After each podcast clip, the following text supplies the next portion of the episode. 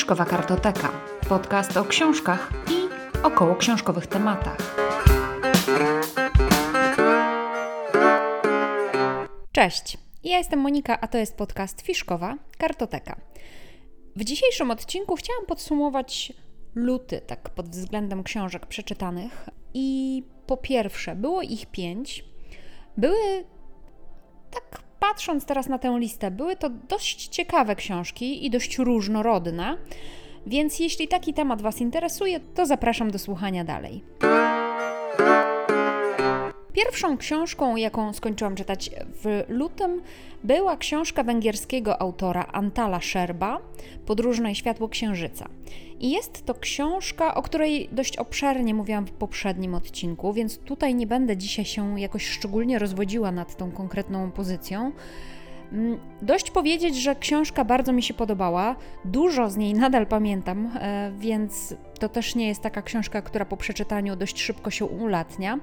Jest to powieść o bohaterze, którego imię brzmi po węgiersku Michalej, e, natomiast ja go sobie tłumaczyłam i w głowie czytałam jego imię jako Michał, więc tenże właśnie Michał podróżuje pociągiem razem ze swoją świeżo poślubioną małżonką do Włoch w podróż poślubną. I w tejże podróży poślubnej dość przypadkowo myli pociągi, także żona jedzie w jedną stronę, a on zostaje w jakiejś małej włoskiej wioseczce.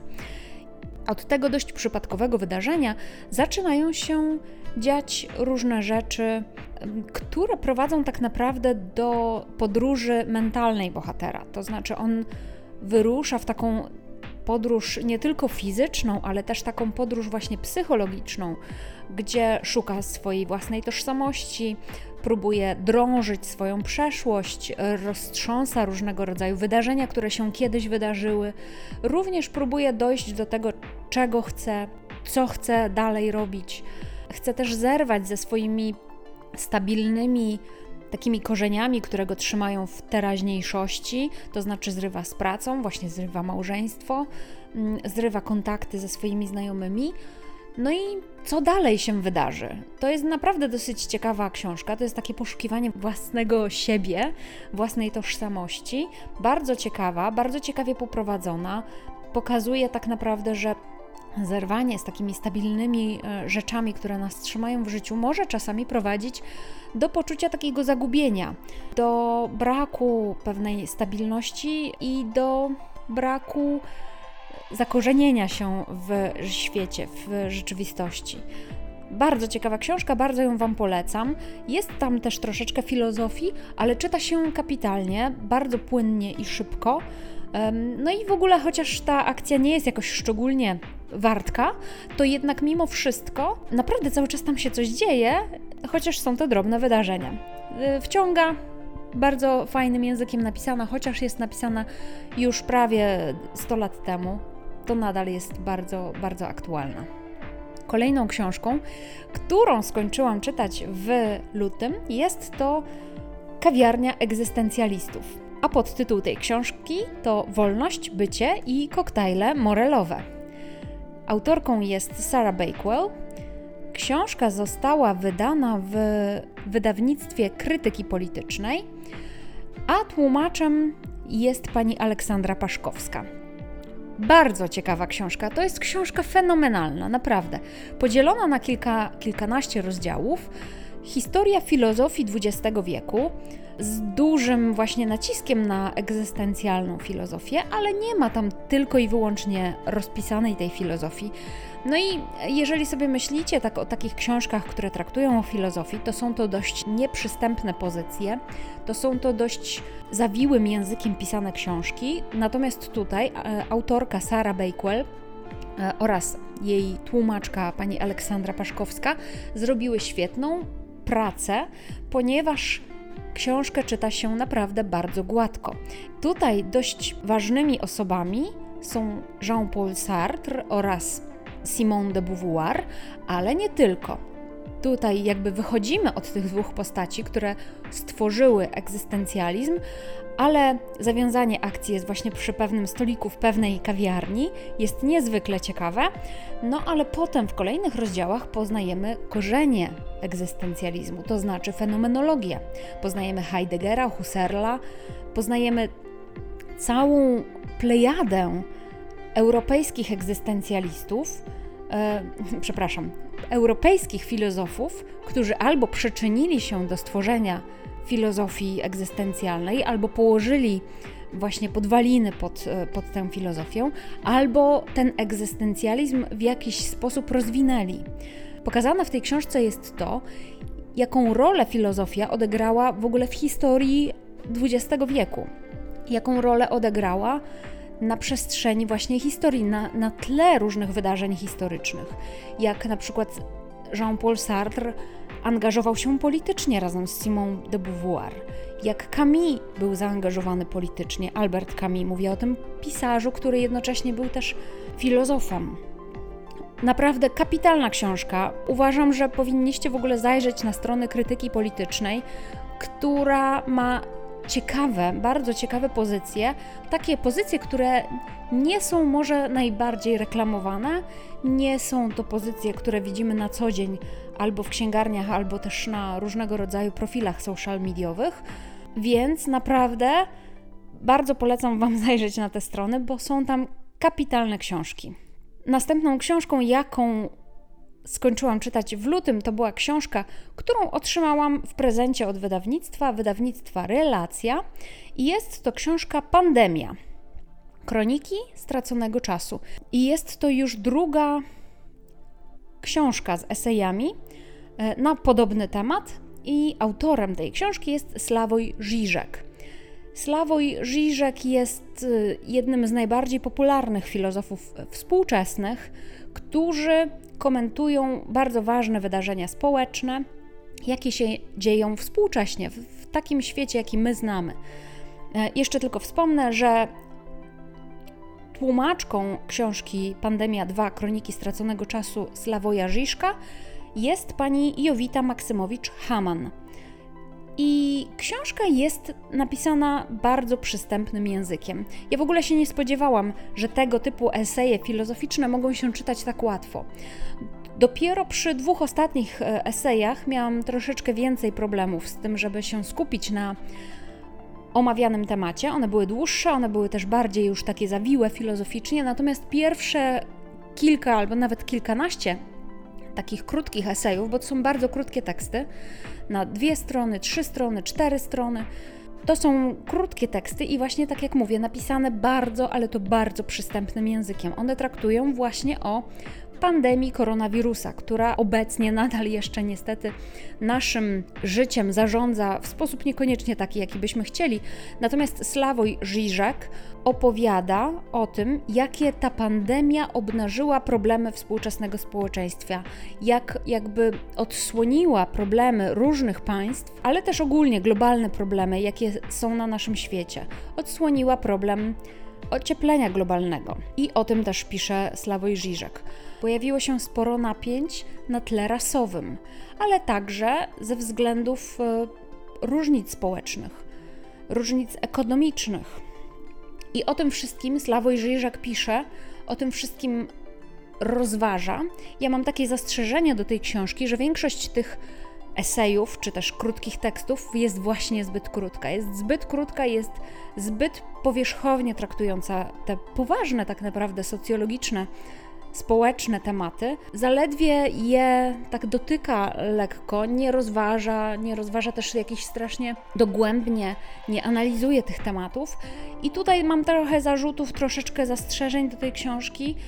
Dwa ostatnie te artykuły, które się, tak jak wspomniałam, mnie trochę trudniej czytały, one już bardziej dogłębnie analizują różnego rodzaju społeczne wydarzenia, natomiast z kolei właśnie troszkę trudniej się czytają, więc coś za coś. Ale książkę polecam, bo ona e, pokazuje pewnego rodzaju mechanizmy, jakie działają w dzisiejszym świecie i no, może być też inspiracją do naszych własnych przemyśleń. Dlatego polecam książkę Pandemia 2 Pandemii 1 nie czytałam. Kroniki Straconego Czasu, Sławoja Żiszka w tłumaczeniu Jowity Maksymowicz-Haman. z wydawnictwa Relacja. No i następne dwie książki to są też takie ciekawe powieści. Jedna z nich to jest Tajny Agent Józefa Konrada.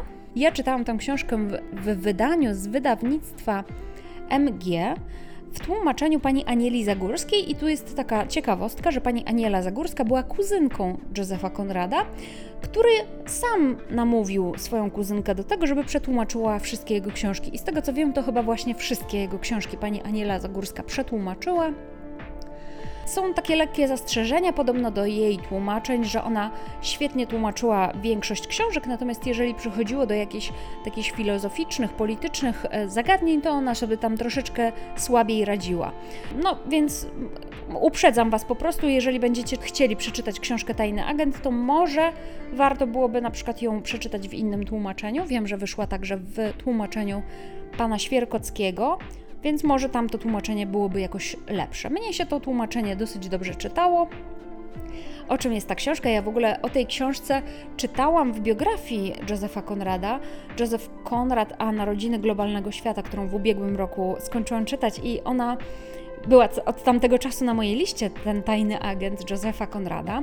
E, bardzo chciałam przeczytać i wydawało mi się, że wiem o czym ona jest, no bo, bo akurat w tamtej książce fabuła była dość szczegółowo opisana. Ale okazuje się, że nie aż tak szczegółowo, żebym nie miała przyjemności z czytania tej książki. Główna akcja, która była opisana już wcześniej, którą znałam, wydarzyła się niemalże na samym początku książki, czy też tak gdzieś e, w jednej trzeciej, więc no, dalsza część była dla mnie zupełną zagadką, co tam się wydarzy. E, I powiem tak, pierwsza połowa tej książki podobała mi się troszeczkę mniej. Ona była właśnie taka polityczna, było tam dużo takich rozmów dotyczących anarchizmu, różnego rodzaju światopoglądów takich politycznych i ona mi się czytała troszeczkę mniej, byłam zafascynowana po prostu tymi wywodami bohaterów, a druga część czytała mi się już świetnie, bo tam była z kolei bardzo fajnie zbudowana psychologia postaci, były bardzo głęboko zbudowane. No bo powiem Wam w ogóle o czym jest powieść i może to być jakiś konkretny spoiler, więc uwaga, uprzedzam, będzie tutaj zdradzenie pewnej tajemniczej akcji. Otóż Tajny Agent jest to książka o zamachu bombowym. Zamachu bombowym, który wydarzył się w książce w 1907 roku, w każdym razie na początku XX wieku, a prawdziwą inspiracją było wydarzenie w Londynie pod koniec XIX e, wieku. No więc właśnie ten zamach bombowy dochodzi w miejscu dość symbolicznym w Greenwich, które jest taką świątynią nauki. E, I jest to zamach, e, który ma gdzieś podobno w tle, no właśnie taki wydźwięk anarchistyczny. I do tego wydarzenia, tak jak mówiłam, dochodzi w jednej trzeciej książki, a dalej się dowiadujemy w ogóle, jak do tego doszło, kto go dokonał, e, chociaż to znaczy na samym początku już niemalże wiemy na 100%, kto dokonał tego wydarzenia, natomiast dowiadujemy się jakby w jaki sposób on się zorganizował, żeby tego zamachu dokonać. E, bohaterem głównym jest Verloc. Jest to taki sprzedawca w małym sklepiku, ale okazuje się, że jest również tajnym agentem pewnej ambasady. E, ma żonę, e, żona ma z kolei takiego trochę upośledzonego brata oraz matkę i tenże Verloc opiekuje się właśnie całą trójką, żoną swoją, którą bardzo kocha, tymże braciszkiem upośledzonym oraz matką swojej żony. Postaci są naprawdę bardzo fajnie zarysowane, bardzo głęboko, bardzo niejednoznacznie. E, ostatnie e, kilkadziesiąt stron to jest też kłótnia pomiędzy małżonkami, pomiędzy Werlokiem i jego żoną. I ta kłótnia to jest po prostu jak tak fenomenalnie napisana. Wchodzimy po prostu w myśli tych bohaterów, widzimy jak oni jakimi drogami podążają ich myśli, jak ich nastawienie do pewnych rzeczy się zmienia w trakcie tej rozmowy, jak podejmują pewnego rodzaju decyzje, co wynika z czego, widzimy dlaczego postępują w jakiś konkretny sposób, dlaczego przeszli w ten róg pokoju, a nie w tamten, dlaczego idą, dlaczego stoją, dlaczego leżą. Niesamowicie fantastycznie opisana kłótnia małżonków. Naprawdę dla tej jednej sceny uważam, warto przeczytać tę książkę, jeżeli Was nie, nie, nie interesuje cała reszta. Świetna książka, poza tym Józef Konrad. Warto, warto poznać naszego polskiego pisarza, który zrobił taką furorę na, na zachodzie. Jest to tajny agent Joseph Conrad w tłumaczeniu Anieli Zagórskiej e, z wydawnictwa MG. Ostatnią książką, którą skończyłam czytać, to jest bardzo świeża sprawa. Jest to Kobieta z Wydm japońskiego pisarza Abe Kobo. Książkę czytałam w wydaniu w wydawnictwie Znak w tłumaczeniu pana Mikołaja Melanowicza. Książka też powstała dosyć yy, dawno temu, w okolicach 62 roku, jeśli się nie mylę. Tak mi się wydaje, że dokładnie 62 rok, ale mogę się mylić. I jest to książka, która zrobiła na mnie wrażenie tym, jak bardzo jest niejednoznaczna, jak bardzo jest metaforyczna, chociaż napisana jest niezwykle realistycznie. Książka opowiada o mężczyźnie, o którym na samym początku powieści dowiadujemy się, że zaginął. Po kilkunastu latach chyba został uznany za zaginionego oficjalnie, no i nie wiemy, co się z nim wydarzyło. Natomiast w dalszej części poznajemy jego historię, co się stało, dlaczego już nie wrócił do wioski. No i ten mężczyzna, jak się dowiadujemy, z zawodu nauczyciel ma takie hobby, że zbiera owady i szuka nowych gatunków. No i na taki dłuższy weekend wyjeżdża, nikomu nie zdradza dokładnie dokąd, a wybrał się gdzieś w okolice morza, gdzieś na wydmy. Na wydmach szuka tego owada, jakiegoś tam konkretnego owada. No i przez przypadek e, trafia do jakiejś wioski, w której decyduje się przenocować. Poprosił kogoś tam o wskazanie domu, gdzie mógłby zapłacić za nocleg i przenocować. No i okazuje się, że w tejże wiosce domy schowane są właśnie w wydmach w takich głębokich jamach. E, domy są zasypywane regularnie przez piasek dlatego tam są takie jamy.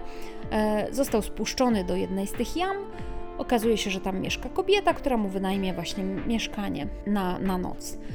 No i mężczyzna niczego się nie spodziewając, oczywiście przystał na to, został spuszczony w tę jamę. Kobieta tam ogarniała właśnie z piasku to swoje obejście, odgarniała piach.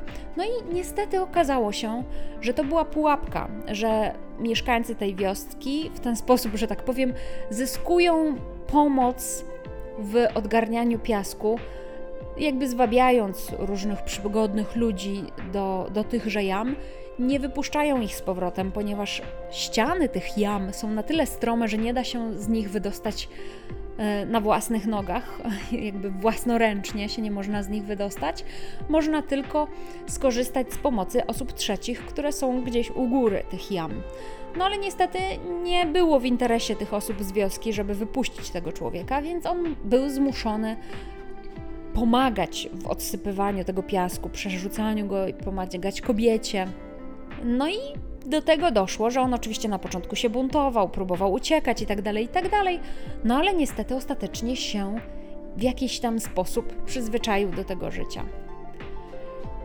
Dla mnie jest to mocno metaforyczna powieść. Zresztą pewnego rodzaju fragmenty naprowadzają nas na to, że to jest metafora życia, że my też jesteśmy uwięzieni w pewnych powtarzalnych czynnościach, które tak naprawdę nie są jakoś sensowne, które nie mają jakiegoś wielkiego znaczenia globalnego, że my także przesypujemy ten piasek codzienności, musimy go przesypywać od samego początku codziennie i codziennie i codziennie robimy ciągle to samo, co nie ma tak naprawdę sensu ale i tak to robimy i jesteśmy uwięzieni w tych czynnościach, tych aktywnościach takich codziennych, rutynie, w nudzie, żmudnej pracy. Gdzieś znalazłam też takie porównanie, może nie porównanie, taką interpretację, że ta książka to jest przenośnia życia w małżeństwie, że też jesteśmy uwięzieni w jakimś kieracie codzienności, że też musimy właśnie być uwięzieni z jedną osobą w jakiejś tam jamie i ciężko się nam wydostać. Nawet jeżeli chcemy i uda nam się przez chwilę, to i tak wracamy. Do tego się nie do końca przychylam, natomiast do tego, że, że nasze życie jest właśnie takie pełne takich powtarzalnych czynności, nie do końca sensownych, to tak, uważam, że to jest właśnie taki mit Syzyfa trochę współczesnego tutaj pokazany. Książka króciutka, e, ona ma chyba ze 180 stron. Czyta się dobrze, nie ma tam jakiejś pełnej, wartkiej akcji na pewno, bo to jest ciągłe przerzucanie piasku, ale wciąga ta książka właśnie jak taki piasek, jak takie lotne piaski, w których można się utopić bo ciekawi jesteśmy, co nastąpi dalej. Czy bohaterowi się uda uciec, czy e, jak będzie próbował tego dokonać, co zrobi, jaki kolejny, nie wiem, jakiś uknuje pomysł. E, bardzo ciekawie jest skonstruowana ta powieść. No i plus właśnie ta warstwa metaforyczna jest niesamowita.